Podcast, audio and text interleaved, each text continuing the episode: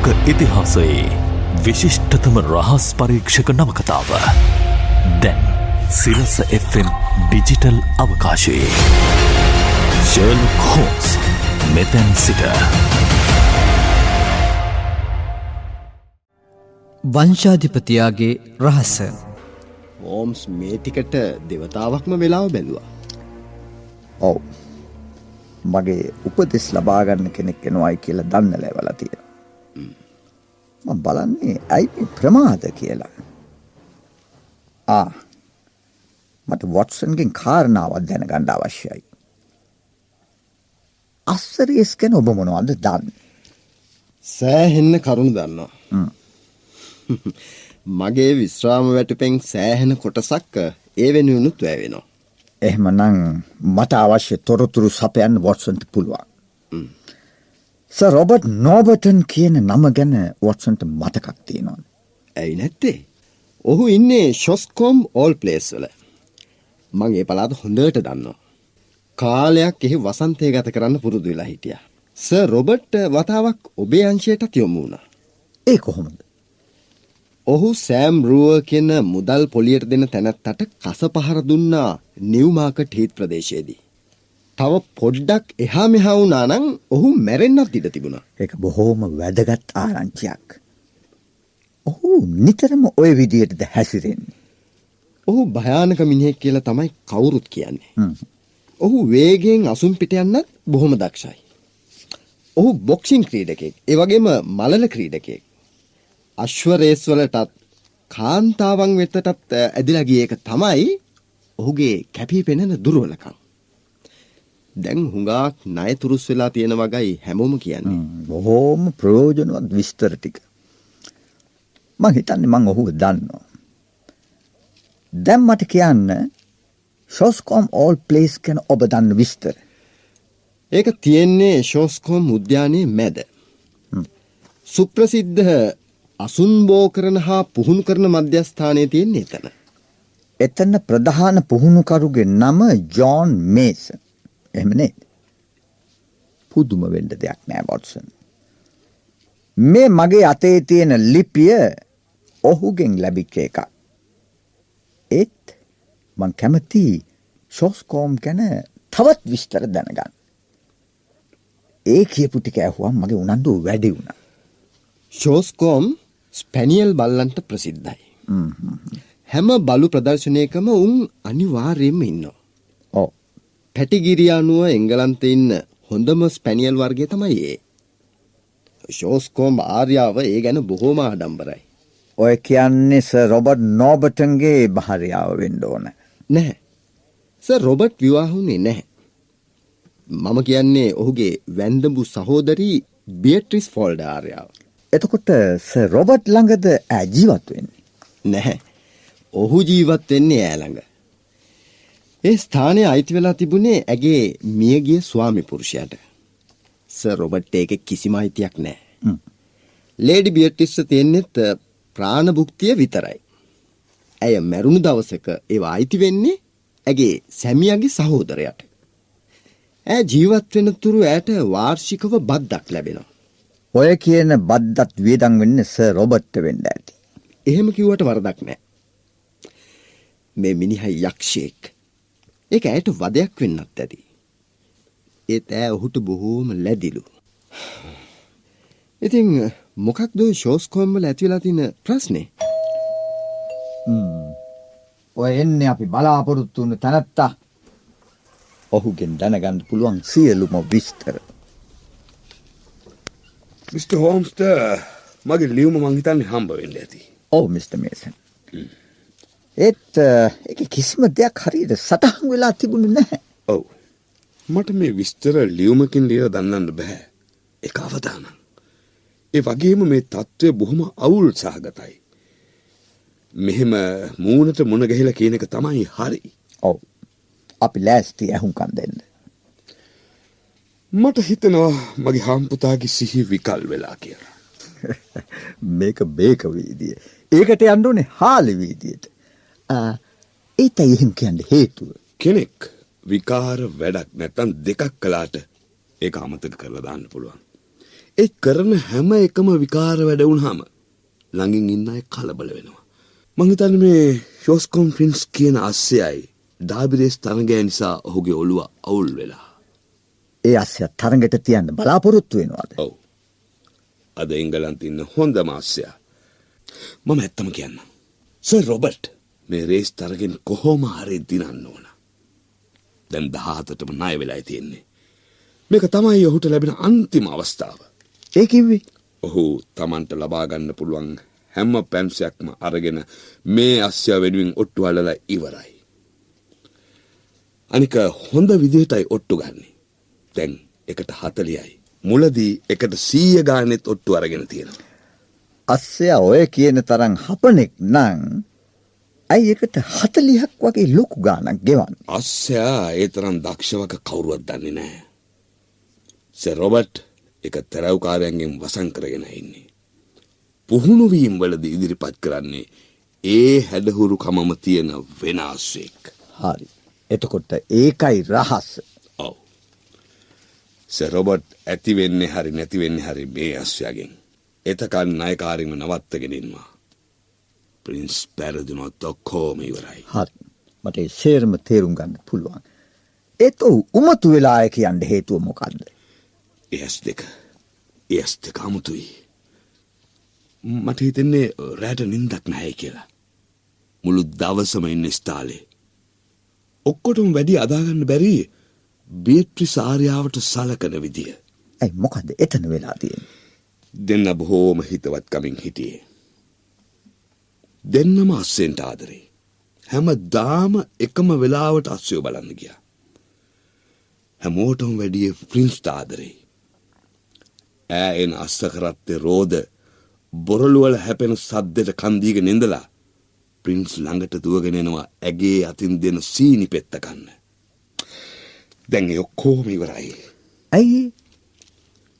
අස්්‍යව ගැන ඇගෙ තිබුණු උනන්දුව නැත්තටම නැති වෙලා. දැන් සුමානයක් තිස්සේ අස්ස කරත්තේ නැගලා ස්ථාලි ළඟින් යන්නේ ඒ පැත්තවත් නොබලා. ඇයි දබරයක් ඇති වුණාද? දරුණු මාරවුලක් ඇති වෙලා තියෙනවා. නැත්තම් නැත්තම් ඇය දරුවෙක් වගේ ආදරෙන් හදාගත්ත ස්පැනියල් බල්ලව කාටවත් දෙන්නේ නැහැ. සර් රොබර්ට් දවස් 3-4කට කලින් බල්ලව හැතැක්ම තුනක් දුරින් තියෙන ග්‍රීන් ඩ්‍රැගන් තානායම අයිතිකාර බාන්ස්ට දුන්නා. ඒක නම් පුදුමාකාර සිද්ධියක්. ඇගේ අසනීප ගතිය නිසා ඇයට එහෙම යන්න බෑ. ඒත් සර් රොබර්ට් හැමදාම හවසට පෑ දෙකක් ඇගේ කාමරේ ගත කළා. දෙන්න ඒ තරම් ඇල්මෙන් හිටියේ. ඒත් ඒ ඔක්කොම දැන් අතර වෙලා ඔහු ඈ ළඟටවත් යන්නේ නැහැ. එකෙන් ඇගේ හිත පෑරිලා. ඒ හිතේ අමාරුවට බොන්න පටන් අරගෙන. කිසිම කතාබහක් නෑ. ඔය දබර වෙන්න කලිනුත් ඈ බිව්වද? බිව්වෙ නැහැයි කියලම කියන්න බෑ. දැන් ඒක දවසකට බෝතලයක් දක්වා වැඩි වෙලා. ස්ටීවන්ස් කියන ආවතේවකාරය කියන්නේ එහෙමයි. හැම දෙයක්ම වෙනස් වෙලා මිස්ටර් හෝම්ස් හැම දෙයක්ම වෙනස් වෙලා. මොකක් හරි මහ බරපතල වරදක් සිද්ධ වෙලා තියෙනවා. අනික සර් රොබර්ට් මොනවද පල්ලිය සුසාන් භූමිය කරන්න කියන එක ප්‍රශ්නයක්. ඔහුට එතෙන්දී තවත් කවුරු හරි කෙනෙක් එකතු වෙනවා. දැන් නම් මේක හරිම රසවත් කතාවක්. ආවතේවකාරය ස්ටීවන්ස් තමයි දැකලා තියෙන්නේ. රෑ 12ට මහවැස්සෙක් ගෙදරින් පිට වෙනවා. පහුවදා මම හැරගෙන හිටියා. එදත් ඒ විදිහටම ගෙදරින් පිට වුණා. මම මම ස්ටීවන්ස් එක්ක පස්සෙන් ගියා. දැක්කනම් අපි ඉවරයි. ඔහු හරිම දරුණු පුද්ගලෙක්. අපි ඈතින් ඈතින් ගියා. ඔහුගේ ඔහුගේ පාලු හොල්මන් සුසාන භූමියට. මිනිහෙක් ඔහු වෙනකම් බලාගෙන හිටියා එතන. මොකද්ද ඔය කියන හොල්මන් සුසාන් භූමිය? උද්‍යානයේ මැද තියෙන පාළුවට ගිය සුසාන භූමියක්. කවුරුවත් දවාලටවත් එතෙන්ට යන්න බයයි. අපේ හාම්පුතානම් කිසිම දෙයකට බය වෙන කෙනෙක් නෙවෙයිනේ. ඒත් ඒත් මේ මහා රෑ මොනවද එතන කරන්නේ? පොඩ්ඩක් ඉන්න. තව මිනිහෙක් එතන හිටියයි කිව්වා නේද? ඒ ස්ථාලේ හරි ගෙදර හරි සේවකයෙක් වෙන්න ඇති. බලා ඉඳලා අල්ලගෙන ප්‍රශ්න කරන එකයි තියෙන්නේ. අපි දන්න කෙනෙක් නෙමෙයි. කොහොමද දන්නේ? මම දෙවෙනි දවසේ මිනිහව දැක්කා. සර් රොබර්ට් පිට වුණාට පස්සේ මම ස්ටීවන්ස් එක්ක ටිකක් දුර යන්න ඇරලා පස්සෙන් ගියා. එදා එදා හොඳට හඳ එළිය තිබුණා. අපි හඳ එළිය ඇවිදින්න යන විදිහට ගියා. අපි හරියටම මිනිහාගේ ඉස්සරහටම ඇවිත් කොහමද ඉතින් යාළුවා කියලා ඇහුවා. ඒ ඇහුවා විතරයි. මිනිහා අවතාරයක් දැක්ක වගේ පණ එපා කියලා දිව්වා. කොච්චර හෙව්වත් හොයාගන්න බැරි වුණා. ඒ හඳ එළියේ හොඳට දැක්කයි කිව්වා. ඔව්. නිකන් රස්තියාදුකාරයෙක්. සර් රොබර්ට් එක්ක තියෙන ගනුදෙනුව මොකද්ද කියලා හිතාගන්න බෑ. කවුද ලේඩි බීට්‍රිස් ළඟ තනිවට ඉන්නේ? කැරී ඉවන්ස් කියන සේවිකාව. ඇය ළඟට ඇවිත් අවුරුදු 5කට වැඩි. ඇයට හිතවත් ඇති. කාට හිතවත්ද කියන එක නම් මම කියන්න කැමති නෑ. හරි. මට හිතාගන්න පුළුවන්. ඩොක්ටර් වොට්සන් මට පැහැදිලි කරපු විදිහට සර් රොබර්ට්ගෙන් ගැලවෙන්න ගෑනු කෙනෙකුට පහසු නෑ. ඕක වෙන්න බැරිද අක්කගේ මල්ලිගේ අමනාපට හේතුව. ඔය සම්බන්ධේ කලක් ඉඳලා තියෙන එකක්. ඒ ලේඩි බියට්‍රිස් කලින් දැනගෙන ඉඳ නැතු ඇති. අපි හිතමු හදිස්සිය මේ වගේ දැනගෙන මේ ගෑනු කෙනාව එළුව ගන්න හැදුවා කියලා. මලයා ඒකට කැමති වෙන්න නැතුව ඇති. එක්තැන් වෙච්ච මිනිස්සයාට ඒක කරන්න හයියක් නැහනේ. එහෙම බැරි හන්දා ඒ තරහට කතා නොකර ඉන්නයි බොන්නයි පටන් ගන්න ඇති. සර් රොබර්ට් තරහට බල්ලව ඇගෙන් වෙන් කරන්න ඇති. හ්ම් හ්ම්. ඔව් එහෙම වෙන්න පුළුවන්. ඒත් රෑට පරණ කැරකෝප්පුවට යන්න එක පැහැදිලි නෑ. ඒ විතරක් නෙවෙයි. සර් රොබර්ට් මොකටද පරණ මිනිහා කාර්ලා ගොඩ ගන්න කියන එකත් ප්‍රශ්නයක්. මොනවා? අපි ඊයේ තමයි දැනගත්තේ.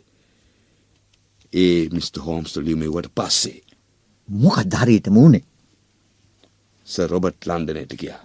ඉතින් මමයි ස්ටීවන්සි ගිහින් බැලුවම දැක්කා. මලමිනියක කොටස්. පොලිසියට මේ වගේ දන්නන්න ඇති. මම හිතන්නේ පොලිසිය මේ ගැන උනන්දුවක් දක්වයි කියලා. ඒ තිබුණේ හුඟක් පරණ දි รา පත් වෙච්ච මලමිනියක හිස් කබලයි ඇට කැබලි දෙක තුනකුයි. අවුරුදු 1000ක්වත් පරණද මන් දන්නේ හැබැයි ඒත් කලින් එතන තිබුණේ නැති වගේ මටයි ස්ටීවන්ටයි දිවුරලා කියන්න පුළුවන්. මොකද ඒකට කළේ? තිබුණ විදිහටම තියෙන ඇරියා. ඒක නුවණට හුරු වැඩක්. සර් රොබර්ට් ඊයේ ගෙදර හිටියේ නෑ කිව්වා. දැන් ඇවිද්ද? අද ආපහු වෙයි. සර් රොබර්ට් කවදද අක්කගේ බල්ලව දීලා දැම්මේ? හරියටම සුමානකට කලින්. බල්ලා පරණ ලිඳක් ළඟට වෙලා බුරන්න පටන් ගත්තා. සර් රොබර්ට් ඌව අල්ලගත්ත හැටියට මම හිතුවා මරයි කියලා. ඒ තුව ජොකිය සැන්ඩි බේන් අත ග්‍රීන් ඩගන් තානාය මේ බාන්ස්ට යව්වා මූව මන් තවත් ගෙදර තියාගන්නේ නෑ කියලා. මට තාම පැහැදිලි නෑ මෙතන මම කරන්න ඕන රාජකාරී මොකක්ද කියලා. හා, එහෙනම් මෙන්න මේක බලන්නකෝ. කෝ බලන්න. හ්ම්. පුච්චපු ඇට කෑල්ලක්. කොහෙද මේක තිබුණේ? බියට්‍රිස් ආර්යාවගේ කාමරේ යට බිම් ගෙයි ගිනි උදුනක් තියෙනවා. ඒක කලක් පාවිච්චි නොකර තිබුණා. ඒත් ගෙදර හීතලයි කියලා සර් රොබර්ට් ආයෙත් ඒක පත්තු කෙරෙව්වා. ඒක බලාගන්නේ හාවි මගේ ගෝලයෙක්. අද උදේ අඟුරු අවුස්සද්දි මේක තියෙනවා දැකලා මට ගෙනත් දුන්නා. හාවිගේ හිතට මේක ඇල්ලුවේ නෑ. මටත් එහෙමයි. වොට්සන් වොට්සන් මොකද්ද මේ ගැන හිතන්නේ? පිච්චිලා කළු වෙලා. ඒත් ශරීරයක හැට කෑල්ලක් වගේ පැහැදිලි. මේක කලවේ ඇටයක කන්දකය කියන කොටස. හරි. කොයි වෙලාවෙටද ඔය හාවි ගින්න දල්වන්නේ? හවස්සරුවේ ඇවිත් පත්තු කරලා යනවා. එහෙමනම් රෑට ඕන කෙනෙකුට එතනට එන්න තහනමක් හ්ම්. ඔව් කෙනෙකුට පිටිනුත් ඇතුල් වෙන්න පුළුවන්. ඔව්. පිටින් එන දොරක් තියෙනවා. අනිකෙන් තරප්පු පෙළක් නැගලා කොරිඩෝරයක් දිගේ ඇවිත් ආර්යාවගේ කාමරයට ඇතුල් වෙන්න පුළුවන්. මේක බොහෝම බරපතල දෙයක් මිස්ටර් මේසන්. ඒ වගේම බාල වැඩක්. ඔබ කිව්වා සර් රොබර්ට් ඊයේ ගෙදර නොහිටිය වගේ. ඔව්. එහෙමනම් මේ ඇටකටු පිච්චුවේ ඔහු නෙමෙයි. ඒක ඇත්ත. මොකක්ද අර කිව්වේ තානායමේ නම් ග්‍රීන් ඩ්‍රගන් ආ ඒ හරියේ හොඳට මාළු අහුවෙනවාද මාළු ඇලිල්ලක් ගැන අහන්නේ මොන එකටද කියලා මට තේරෙන්නේ නැහැ. ඔය දිගට ට්‍රවුට් මාළු ඉන්නවා. විලේ පයික් මාළු ඉන්නවා. ඒක හොඳයි. වොට්සනුයි මමයි මාළු බාන්න දක්ෂයෝ. ඊළඟ වතාවේ අපි ග්‍රීන් ඩ්‍රගන් තානායමේදී මුණ ගැහෙමු. අපි අද රෑ ඒ තානායමට එනවා.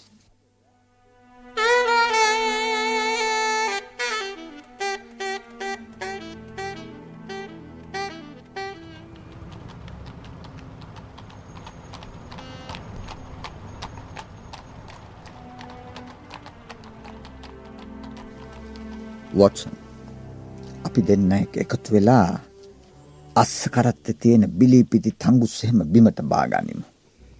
හෝම්ස් ඕන නෑ. මම ඒක කරන්න. ඒ මහත්තුරු දෙන්නට ඔන්න මන් තානායමේ තියෙන හොඳම කාමර දෙක වෙන් කරලා තිබ්බා. පණිවිඩේ ලැබුණ හැටියෙන් මම ඒක කියන්නේ. නෑ නෑ. යමු ගිහින් වාඩි වෙමු. අපිට ඕන කෙලින්ම මාළු බාන්ඩ යන්න. විලේ පයික් මාළු පිරිලා ඇතිනි මේ දවස්වල. නෑ සර්. ඒ වැඩේ කරන්න ගියොත් අන්තිමේ විලපතුලේ තමයි නතර වෙන්න සිද්ධ වෙන්නේ. ඒ කොහොමද?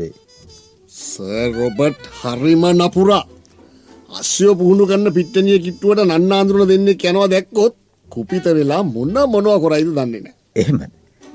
මේ වතාවේ ඩාබි තරඟවලට අස්සෙක්ව ඉදිරිපත් කරනවලු නේද? ඔව් හොඳ හුරු බුහුටි අස්සයා. අපි ඔක්කොම උට ඔට්ටු අල්ලලා තියෙන්නේ. සර් රොබර්ට් නම් මුළු සේසතම ඔට්ටු අල්ලලා. මේ මේ මහත්තුරු රේස් ගැන තොරතුරු හැන්ඩාවන අපොයි නෑ අපි දෙන්න ලන්ඩන් නුවර පදිංචින් හෙම්බත් වෙලා මේ පිටිසර පලාතේ සනීප ගණ්ඩාවය.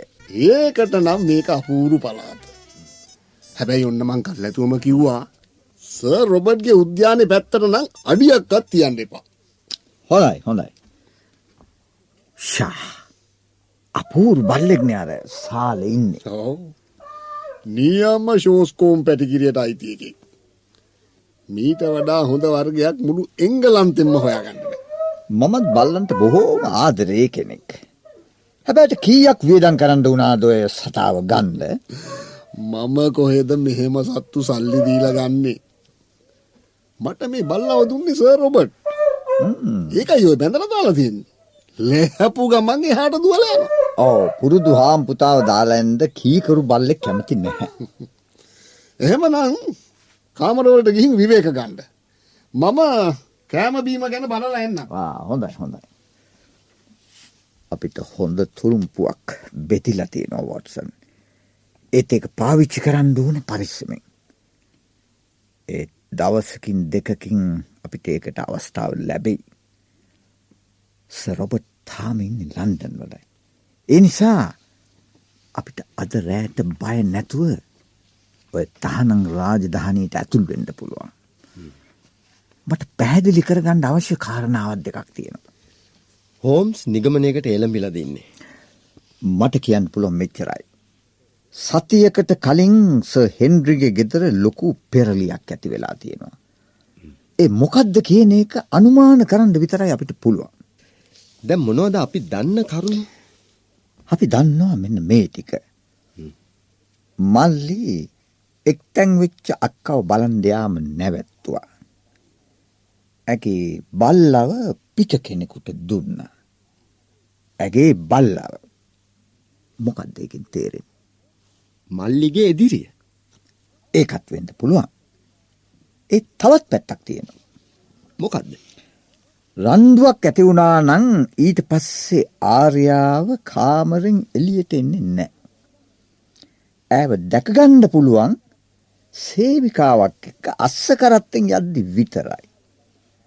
ස්ථාලේ ළඟදි නතර වෙලා තමන්ගේ හුරතල් අස්සය එක්ක කතා බස් කරන්නේ නැහැ. ඒ වගේම තදින් බීමට ඇබ්බැහි වෙලා. ඔන්න ඔච්චරයි. ඇයි කැරකෝප්පුවේ සිද්ධිය? ඒක අපි දැනට මොහොතකට අමතක කරලා ස රොබට්ගේ තත්ත්වය බලමු. ඔහුගේ එකම බලාපොරොත්තුව ඩාබි රේස් තරගේ දිනන එක. ඔහු ණයබරි මිරිකිලා. ස්ථාලය අස්සයෝ ඇතුළු ඔහුගේ දේපොල කොයි මොහොත විකිනෙයිද කියන්න බෑ. ඔහු යැපෙන්නේ තමන්ගේ අක්කගේ. ඇගේ සේවිකාව ඔහුගේ අතකොල්ලුව. ඉතින් සුසාන භූමිය ඔව්. අපි මොහොතකට හිතමු ඈ ස රොබට් ඇති මරණයට පත් වනා කියල්. ඒක කවදාවත් වෙන්න බැහැ. අපි එම හිතමකෝ එතකොට ඔහුට ගැලවීම අත්වෙන්නේ ශෝස්කෝම් ප්‍රින්ස් දිනුවොත් විතරයි. ඒ වෙනකං ගැලවිලා ඉන්ද නං ඔහුට ඇගේ මළමිනේ විනාස් කරලා ඈ වෙනුවට කෙනෙක් යුදාගන්න වෙන. සේවිකාවගේ උදව් ලැබෙන හින්ද මේ වැඩි පහසු. මිනිියර පාලු සුසාන බොහොමේ තැන්පත් කරලා තියලා රහස්සෙ ගිනි උදුනට දම දමා පුච්චල දමනු ඇති. එහෙම කොටසක් තමයි අර හම්බ වුණේ. ඔව්. මුලදී හිතපු දේ හරිනම් එහෙම දෙයක් වෙන්නත් බැරි නෑ. අපි හෙට පොඩි අත්හදා බැලීමක් කරලා බලමු.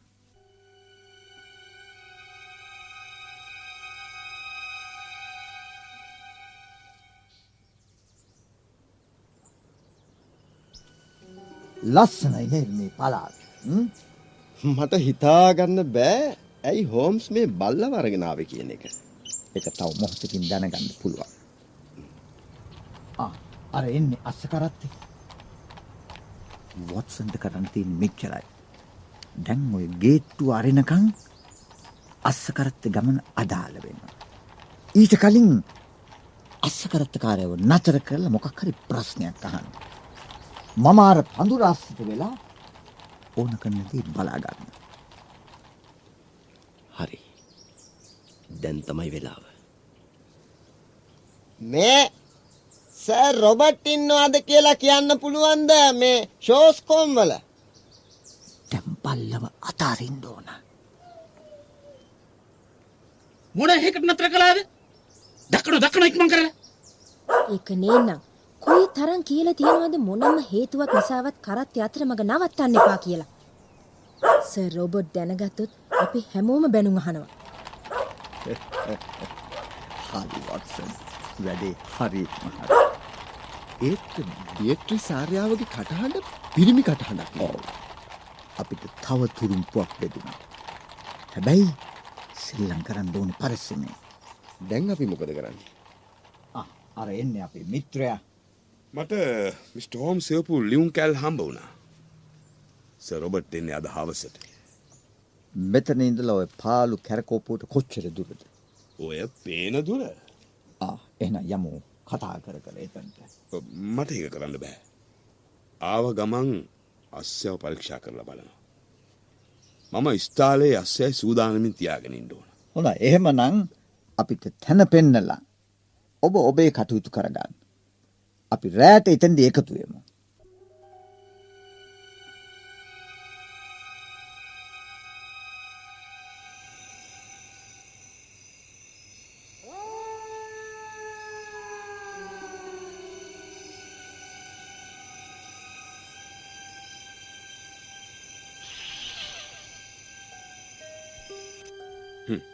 යමු.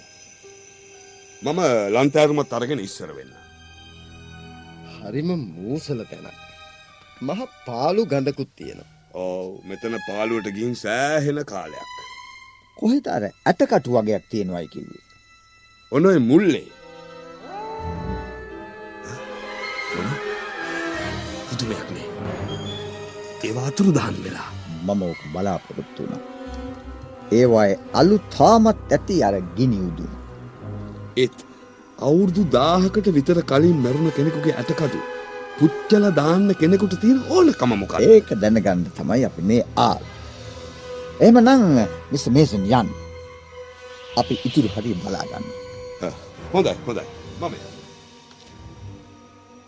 මේ සේරම බොහෝම කාලෙකට ඉස්සල මැරුණ උදවිය. සර් විලියම් එක්දා සත්සි හැට නවේ. මේ කවුද? සර් ඩෙනිස් එක්දා සත්සය අසූ එක. මොන මේ පෙට්ටිය කවුරු හරි ඇන්න ගලවල තියෙනවන්න. ඒයි කවුදඹල මොනවද මගේ ඉඩමට හොර රිගක්න කරන්නේ මොකද කතා නැත්තේ උත්තර දෙනවා මම හපු එකට මේ පේනවද මගේ අතේ තියෙන එක මටත් ප්‍රශ්නයක් අහන්න තියෙනවා සර් රොබර්ට්. කවුද මේ මිනි පෙට්ටියේ ඉන්නේ? කොහොමද මේක මෙතනට ආවේ? ළඟදි මැරුණ කෙනෙකුගේ මිනිියක්. එහෙම පිටින්න රෙදිවලින් ඔතලා. කොහොමද මේ වගේ දැනගත්තේ මොකක්ද මේ ගැන හොයන්න තියෙන ඕනකම මම ෂෙලොක් හෝම්ස්. මගේ නම අහලා ඇති. හැම යහපත් පුරවැසියෙක් වගේම මමත් නීතියට ගරු කරනවා. සර් රොබර්ට් ඔබට කියන්න හුඟක් දේවල් ඇති. බැලූ බැල්මට මං අද මේක් වගේ පේන ඇති මිට හෝම්ස් එත් මට වෙන කරන්න දෙයක් තිබුණේ නෑ ඒ විස්තර කියන්න ඕනේ මට නෙවෙයි පොලිසියට.